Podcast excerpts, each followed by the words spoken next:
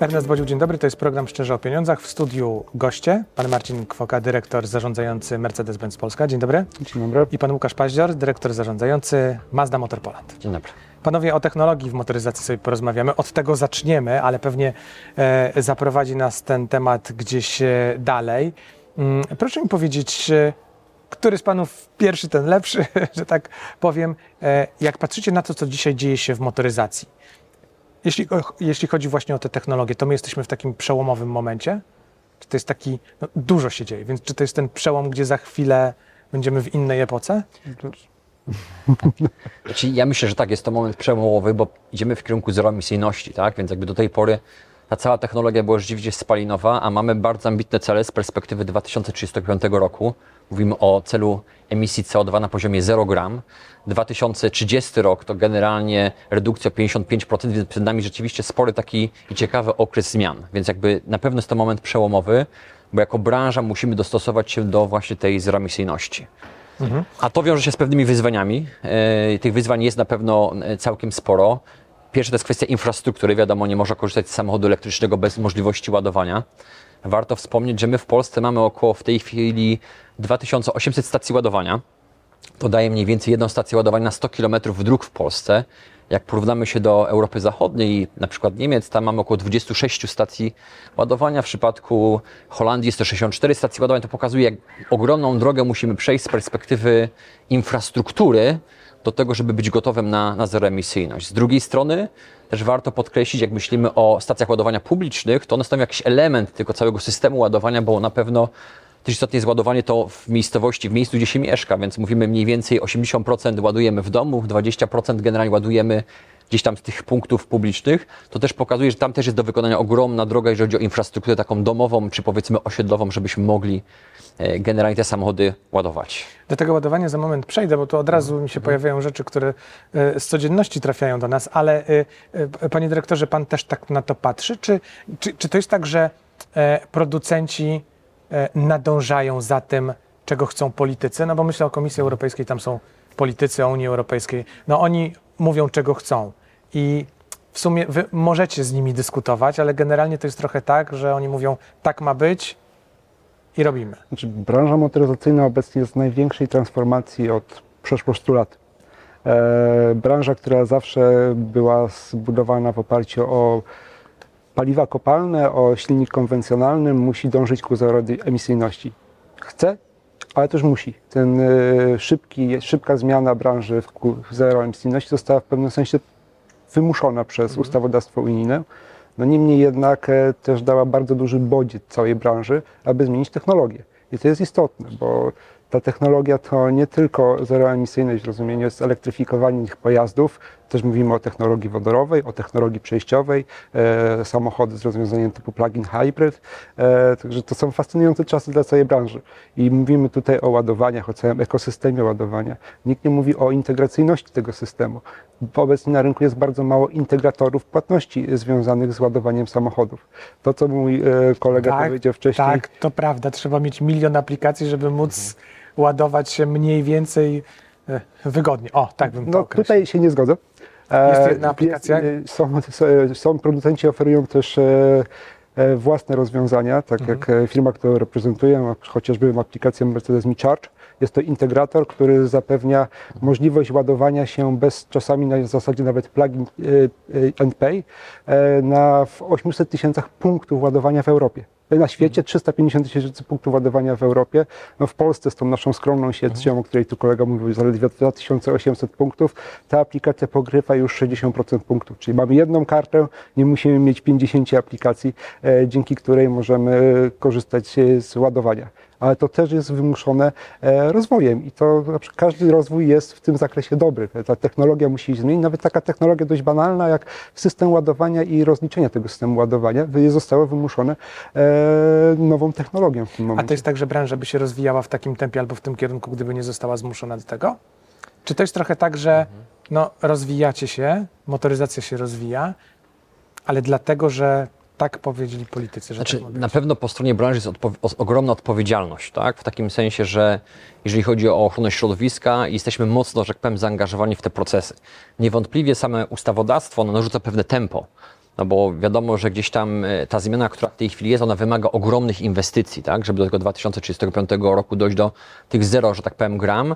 To jest taki element, który na pewno narzuca tempo, więc ja bym powiedział, że z jednej strony na pewno jest też tak, że po naszej stronie zawsze była wola dążenia do tej neutralności klimatycznej, z drugiej strony niewątpliwie to ustawodawstwo jest pewnym takim elementem nacisku dawania tempa. Nie? To, trochę prowokacyjne pytanie mi e, wpadło do głowy teraz, jak pan powiedział o tym, że ten nacisk jest. Czy ktoś w ogóle z wami rozmawiał z, z tej drugiej strony i zapytał, słuchajcie, a czy wy macie pieniądze na ten rozwój? Czy stać was na to, żeby robić takie inwestycje, budować, e, nie wiem, fabryki akumulatorów, e, nowe napędy opracowywać, czy po prostu powiedzieli, musicie i tyle, radźcie sobie? Panie Wydaje mi się, że e, z nami na pewno nie. Ciągle mówimy o rynku lokalnym.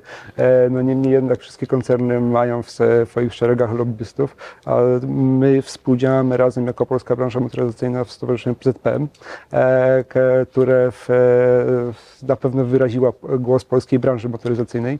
E, ta transformacja, o której tu mówimy, e, z tym narzuconym terminem 2035 na pewno wymusza, że e, z powolnej ewolucji, bo każdy, jak kolega wspominał, e, jest świadomy ekologicznie. Zeroemisyjność albo dążenie ku zeroemisyjności e, to jest e, coś nieunik- trend nieunikniony. Mamy tylko jedną planetę e, i musimy o nią dbać. Także branża jest w pełni świadoma. Ten termin wyznaczony przez ustawodawstwo jest ambitnym terminem. No niemniej jednak są marki, które postawiły sobie nawet bardziej ambitny termin. E, chociażby nasza marka zdecydowała, że będzie w pełni elektryczna do roku 2030. E, także chcemy o 5 lat skrócić ten e, moment przejścia e, ku zeroemisyjności. Ale zeroemisyjność to nie tylko e, zeroemisyjność to nie tylko pojazdy o rozwiązaniach napędowych e, nie emitujących CO2. Zeroemisyjność to też cała struktura pojazdu, przechodzenie na materiały, e, zamiast na przykład skórzanych materiałów mamy rozwiązania e, animal free w samochodach, e, mamy też materiały, które mogą być poddawane recyklingowi. E, bardzo podobało mi się to stwierdzenie, że branża jest świadoma, bo to nie jest e, trend, w którym idzie tylko jedna marka, to jest trend, w którym idzie cała branża. Branża jest naprawdę nastawiona na to, aby jak najmniej szkodzić planecie. No dobrze, a czy branża, panie dyrektorze, trochę nie wyprzedza konsumentów? Bo jak patrzę na to, co się dzieje, teraz wracam do, do ładowania. Jak patrzę na to, co się dzieje na publicznych e, ładowarkach, to tak. Albo parkują tam ci, którzy, oczywiście nie cały czas, ale to jest nagminne, ci, którzy nie ładują samochodów, bo mają spalinowe. Albo na przykład ostatnio zauważam, że e, samochody z car sharingu, które są elektryczne, potrafią być tydzień albo i dłużej podłączone do ładowarki. Nikt się tym zupełnie nie, nie przejmuje i miejsca są e, pozajmowane. No, edukacja chyba na poziomie tym Znaczy, na, na pewno branża czy regulacje wyprzedzają jakby oczekiwania konsumentów i to jest bezdyskusyjne, tak? To my musimy tak naprawdę wspólnie kształtować ten rynek, bo ten rynek, jak spojrzymy sobie na Polskę chociażby, tak? To sprzedaż samochodów stricte elektrycznych to jest zaledwie 3% sprzedaży całego rynku. To jest tak malutko. W Europie to jest około 12%.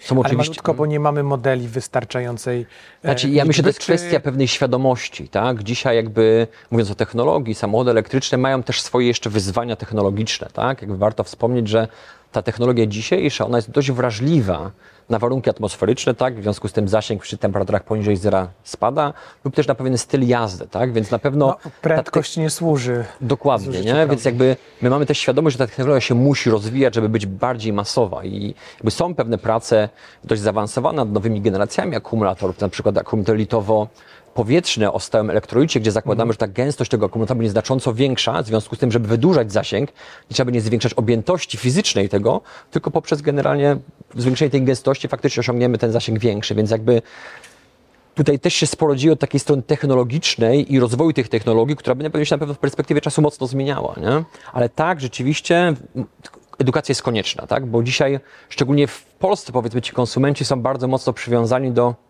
tej starszej technologii, czy tej technologii spalinowej. A czy to, to trochę idąc jeszcze dalej, zastanawiam się, czy da się wskazać na przykład taką datę w przyszłości, gdzie my będziemy nie tylko e, zeroemisyjni, ale też autonomiczni? Czy nie? Myślę, że taką datę, ciężko wskazać jednoznacznie taką datę, ale badania nad autonomicznością pojazdów trwają od e, dekad na dobrą sprawę. Na chwili obecnej wyróżniamy sześć poziomów autonomiczności. Sześć? Myślałem, Aż że sześć pięć. O, to gdzieś jeden mi umknął. Zero jest Czyli jeszcze. od jest Zero. poziom zero. Poziom Zero. zero. Poziom zero. Poziom zero. Tak. E, W Okej. chwili obecnej mamy 6, liczba jest poziom zero według e, przyjętych norm, e, sześć poziomów autonomiczności SAE. E, W chwili obecnej prace są dość mocno zaawansowane. Większość pojazdów już jest w pełnym. Zakładam, że wszystkie nowe pojazdy w pewnym elemencie już są autonomiczne. Tylko jeszcze musimy je odpowiednio umieścić na danych poziomach. E, W chwili obecnej e, poziom autonomiczności, który umożliwia, e, że już kierowca ciągle jest potrzebny, niemniej jednak może swobodnie puścić kierownicę, to jest poziom trzeci. I takie Aha. samochody to już nie jest fikcja. Ale to puścić kierownicę i zostawić zaprogramowaną trasę, czy puścić kierownicę jest, na to, autostradzie? to, jest, to jest wszystko technologia, to wyzwania technologiczne, jak się zmienia branża. Kierowca w poziomie autonomiczności numer e, levelu trzeciego jest wymagany. W wypadku, gdy samochód przewidzi jakąś nieoczekiwaną zmianę, wypuszcza sygnał do kierowcy, daje sygnał kierowcy, żeby przejął w tym momencie sterowanie. Od niedawna na poziomie szóstym P6 na lotnisku w Stuttgarcie e, poziom autonomiczności jest poziom 4, oznacza takie, że kierowca jest zbędny w tym momencie. Kierowcy Aha. już nie ma w pojeździe. No dobra, ale ten szósty to jest, to jest jaki poziom w ogóle? Co Szósty- ja wsiadam i mówię... Faktycznie piąty. Szósty tak, telegraficzny a, pi- piąty. piąty. Zera. I, I mówię wtedy do, do dużego pokoju, tak jak Czy tego pi- piąty poziom nie wymaga obecności kierowcy w Kierowcy. samochodzie? W sensie, w sensie kierowcy stricte, oczywiście osoba ja- wiadomo, że jedzie, nie? Więc jakby, znaczy ja myślę, że warto spojrzeć sobie na autonomiczność z perspektywy rynku. Jeżeli mówimy o rynku masowym, stricte ja, pan, my wszyscy jeździmy autami ono- autonomicznymi, to jest pieśń odległej przyszłości. Ja myślę, że to jest grubo powyżej dekady. Nie? Jeżeli mówimy o pewnych rozwiązaniach, które są w pewnym punktowym miejscu, są pewne niszowe, typu, nie wiem, właśnie taksówki na ograniczonym obszarze, czy powiedzmy jakieś shuttle busy między terminalami w lotnisku, to jest możliwe. Dlaczego? Bo dla samochodu autonomicznego kluczowe jest to czytanie pewnych sygnałów świata zewnętrznego. Nie? Jeżeli to jest obszar przewidywalny, on go zna, on będzie miał infrastruktura jest dobra, Okej, tak? tak. on wie, co się może wydarzyć na tej trasie, wtedy jakby jest to bezpieczne rozwiązanie. Czyli wyobraźmy sobie z dworca centralnego w Warszawie na Okęcie, które póki co jeszcze istnieje, jedzie żwirkami, to Tak. on może jechać, To tak? taka technologia była może już w 2019 roku była testowana w San Jose. A ta autonomiczność, o której kolega też tutaj mówił, że kierowca jest zbędny w określonym, e, na określonym terenie, to proszę sobie wyobrazić, jesteśmy w galerii handlowej, wysiadamy z samochodu i samochód sam jedzie na miejsce. To na filmach tylko drodze. takie rzeczy póki co W było. Stuttgarcie na poziomie szóstym. To, jest, to już jest, to nie są filmy, to są realia. No, Tylko Tak to jest, to, to technologia jest się zmienia. kwestia masowości znowu, nie? żeby to było dla mnie, dla Pana, jakby to wymaga rzeczywiście odpowiedniej infrastruktury czy oznaczenia Mhm. dróg na przykład, tak? Jakby też te dzisiejsze algorytmy działają w taki sposób, że nie przewidują wszystkiego. Można przewidzieć 99% przypadków. Teraz pozostaje ten 1% przypadków, czy może promil nawet przypadków, który dzisiaj algorytm nie uwzględni. Dlatego mówię, z perspektywy masowej to jest odległa perspektywa, z perspektywy właśnie takiej bardziej projektowej, punktowej, że taksówki na danym obszarze funkcjonują, to jest perspektywa nawet e, tej dekady. Nie? Mhm. A ten poziom taki powszechny teraz, gdzie jadę autostradą, wciskam przycisk i raz To na jest- jakiś czas samochód prosi mnie połóż ręce na kierownicy. To jest poziom 2. To jest poziom 2, w którym Czyli tak naprawdę mamy aktywny tempomat, przyspieszamy, zwalniamy, samochód pilnuje generalnie e, toru jazdy. To No. jest taki poziom 2 i to jest poziom, do którego tak naprawdę rola kierowcy jest bardzo ważna. On się nazywa nawet hands off, już jako taki ten Mhm. drugi poziom, czyli teoretycznie kierowca mógłby ściągnąć ręce z kierownicy, oczywiście samo na to nie pozwoli dzisiaj, on będzie tam się do, domagał, że tak powiem, połóż te ręce na kierownicy, ale z tej perspektywy to jest tak zwany hands off, nie? A, czyli on na przykład na zakrętach sam przyspiesza, sam, znaczy sam Sam- zwalnia, bo jest za, Do- dokładnie. za ostry To- to jest- to jest potem ten- przyspiesza do I to jest dzisiaj poziom generalnie masowej branży. Nie? Jakby od poziomu trzeciego zaczyna się bardzo istotny przeskok z perspektywy generalnie samochodu, może nie postrzegania konsumenta czy kierowcy, bo od poziomu trzeciego samochód zaczyna analizować otoczenie. Co? Czyli do poziomu drugiego za analizę otoczenia odpowiedzialny jest tak naprawdę człowiek. Nie? On już analizuje, czy mogę tak naprawdę wyprzedzić. Nie? Czy jakby on już zbiera sobie informacje z otoczenia do wykonania pewnych czynności. Nie? Więc jakby to jest taki duży przeskok od tego poziomu trzeciego. No, czwarty poziom to jest tak zwany mind off, bo ten trzeci był eyes off, czyli mogę generalnie się trochę tak, porozglądać. a teraz Nie? Czwarty poziom to jest tak zwany mind off, czyli już mogę, się, się zająć, tak powiem, innymi generalnie rzeczami. No i ten piąty poziom, o którym mówiliśmy, to jest tak zwany driver off, czyli już nie wymaga e, samego kierowcy. A Przy wtedy, czym a poziom wtedy, trzeci e, wymaga, to jest wyzwanie legislacyjne. Mhm. E, w poziomie, na, pozie- uzyskanie homologacji na samochód, który spełnia wymagania autonomiczności poziomu trzeciego, nie jest tak oczywiste. Jak mówię, w chwili obecnej e, Nevada to jest jeden ze stanów w USA, który taką homologację e, naszej marce wręczył, e, ale już to ustawodawstwo nawet zmienia się w Europie. E, Chociażby Niemcy są dobrym tego przykładem, e, czyli nasz niedaleki sąsiad, bo tamte prace legislacyjne są mocno zaawansowane i ten poziom autonomiczności na poziomie trzecim już jest możliwy praktycznie do uzyskania. Także Panowie- są rynki, na których samochód już w, przysz, już w przyszłym roku będą samochody mogły poruszać się bez, kierownicy, bez rąk na kierownicy. A kierownicy też pewnie się kiedyś, kiedyś nie będzie. Ale zastanawiam się, jak, jak dojdzie do takiego momentu, tak jak pan wspomniał, e, że samochód w galerii e, podjeżdża i, i my odjeżdżamy, to e, jaki będzie wtedy nasz stosunek do posiadania? Albo czy my będziemy posiadali, czy, czy nie? Czy sobie kupimy abonament na, na, na samochód i po prostu jak raz na jakiś czas chcemy na zakupy, to ja sobie go wzywam, on przyjeżdża, zawozi mnie na te zakupy i odjeżdża po inną osobę. No to już dzisiaj bardzo mocno widzimy w takim klasycznej motoryzacji, że, że ludzie często przechodzą od takiego poziomu posiadania samochodu do poziomu użytkowania jego, tak? Biorą najem na jakiś tam okres. Pojawiają się jakby takie pierwsze programy subskrypcji, gdzie tak naprawdę mogę te samochody sobie wymieniać, więc więc jakby jak, jak najbardziej tak, też widzimy wśród młodszej grupy ludzi, że jednak e, jak do tej pory dla nas, osób w pewnym wieku, e, ta motoryzacja była pewną pasją, tak, dla młodych samochód często staje się dobrem użytkowym. To tym bardziej narzędzie, wpływa do tak naprawdę, narzędziem, tym bardziej wpływa na to, żeby właśnie e, gdzieś tam bardziej korzystać nie? z tych urządzeń czy z tych samochodów, niż rzeczywiście je, je kupować. To jest taki trend, który rzeczywiście jest dzisiaj bardzo mocno widoczny, więc na pewno autonomiczność bardzo mocno zmieni, kiedy wejdzie w tej pełnej formie, jakby no, całą strukturę też rynku, nie? No bo e, tam się pojawia dużo ciekawych oszczędności, chociażby z perspektywy oszczędności, nie wiem, energii, którą zużywamy do, do, do przemieszczania się, tak? No bo te samochody pojadą e, w odpowiedniej prędkości, w odpowiedniej dynamice, żeby gdzieś optymalizować pewne rzeczy, nie? Pojawia się kwestia czasu, który zyskujemy, nie? bo równie dobrze wygodnym samochodem mogę też jechać nocą na przykład, żeby dojechać do jakieś miejsca. Nie? Jest duży efekt taki społeczny na przykład, tak? no bo spada ilość wypadków. Dzisiaj na świecie jest około miliona osób rocznie ginie w wypadkach samochodowych. Nie? Tu mówimy o tym, że jesteśmy w stanie to bardzo mocno e, optymalizować. Nie? Kwestia też później kosztów leczenia, więc jakby to niewątpliwie ma ogromny wpływ, ale jest jedna bardzo ważna rzecz, mi się wydaje, którą warto podkreślić, że jako branża, nie? E, bo Pan też wspomniał na początku o tym tempie, nie? że były jakieś Tak. deklaracje, te deklaracje zostały dotrzymane przez niektóre marki i tak dalej, i tak dalej.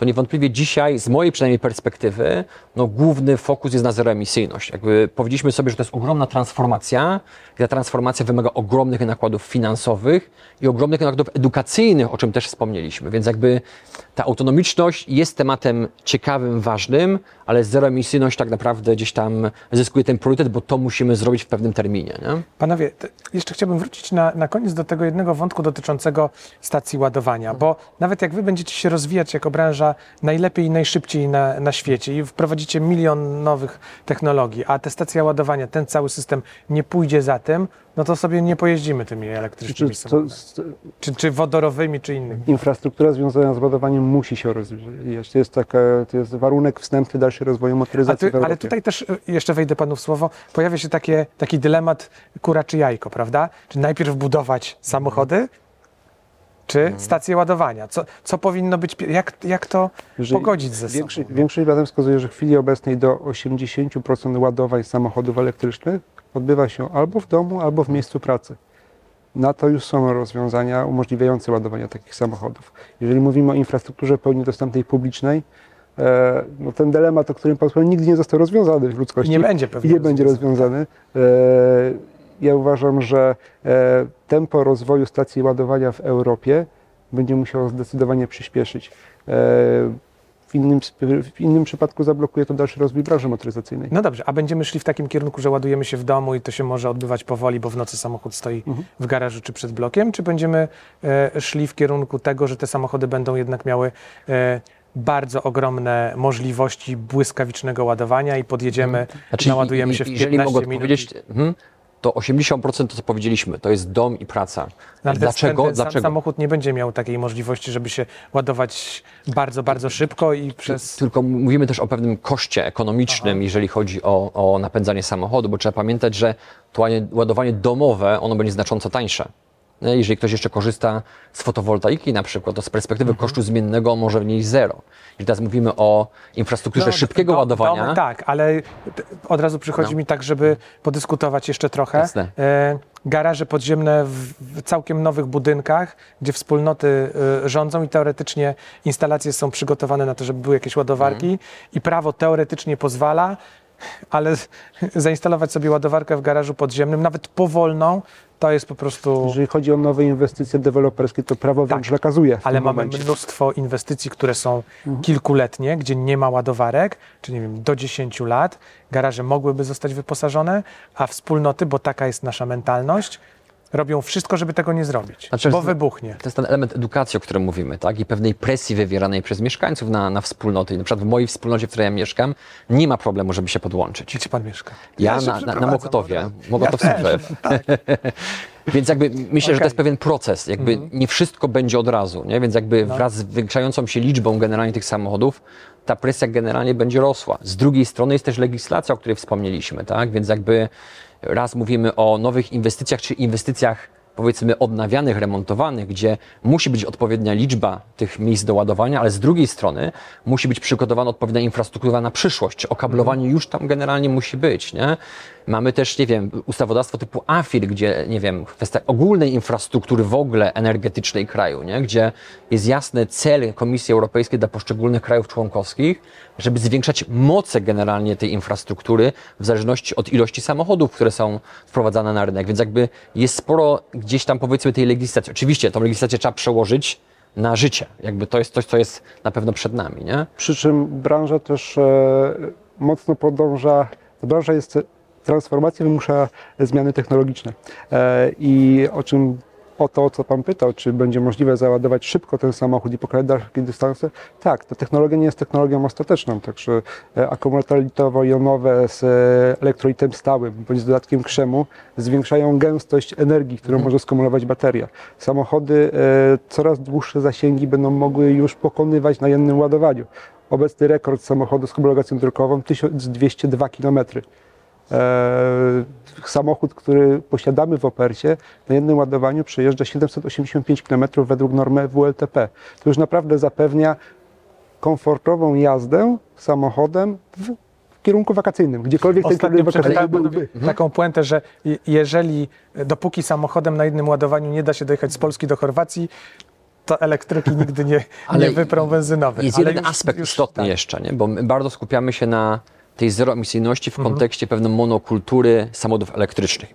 Bo to samochody elektryczne będą głównym takim filarem, jeżeli chodzi o zeroemisyjność, ale z drugiej strony też otwierają się pewne drzwi dla e-paliw, dla biopaliw. I rzeczywiście Komisja Europejska w tej chwili nie mówi nie, jak do tej pory bardzo mocno była przywiązana właśnie do Aha. napędzania samochodów silnikami elektrycznymi jako sposób na osiąganie tego 0 gram, tak w tej chwili otwiera się furtka właśnie na e-paliwa i biopaliwa, które z perspektywy właśnie gdzieś tam e, e, rozwiązań również są zeroemisyjne finalnie, ale z drugiej strony dają szansę na obniżanie emisji dla samochodów już jeżdżących po ulicach na przykład, nie?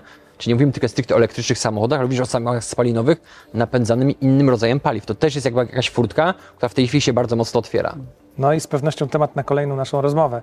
Dziękuję pięknie za e, wizytę w studiu. Łukasz Paździor, Mazda Motor Poland Dziękuję. i Marcin Kwoka, e, Mercedes-Benz Polska. Dziękuję Dziękuję pięknie za wizytę w studiu.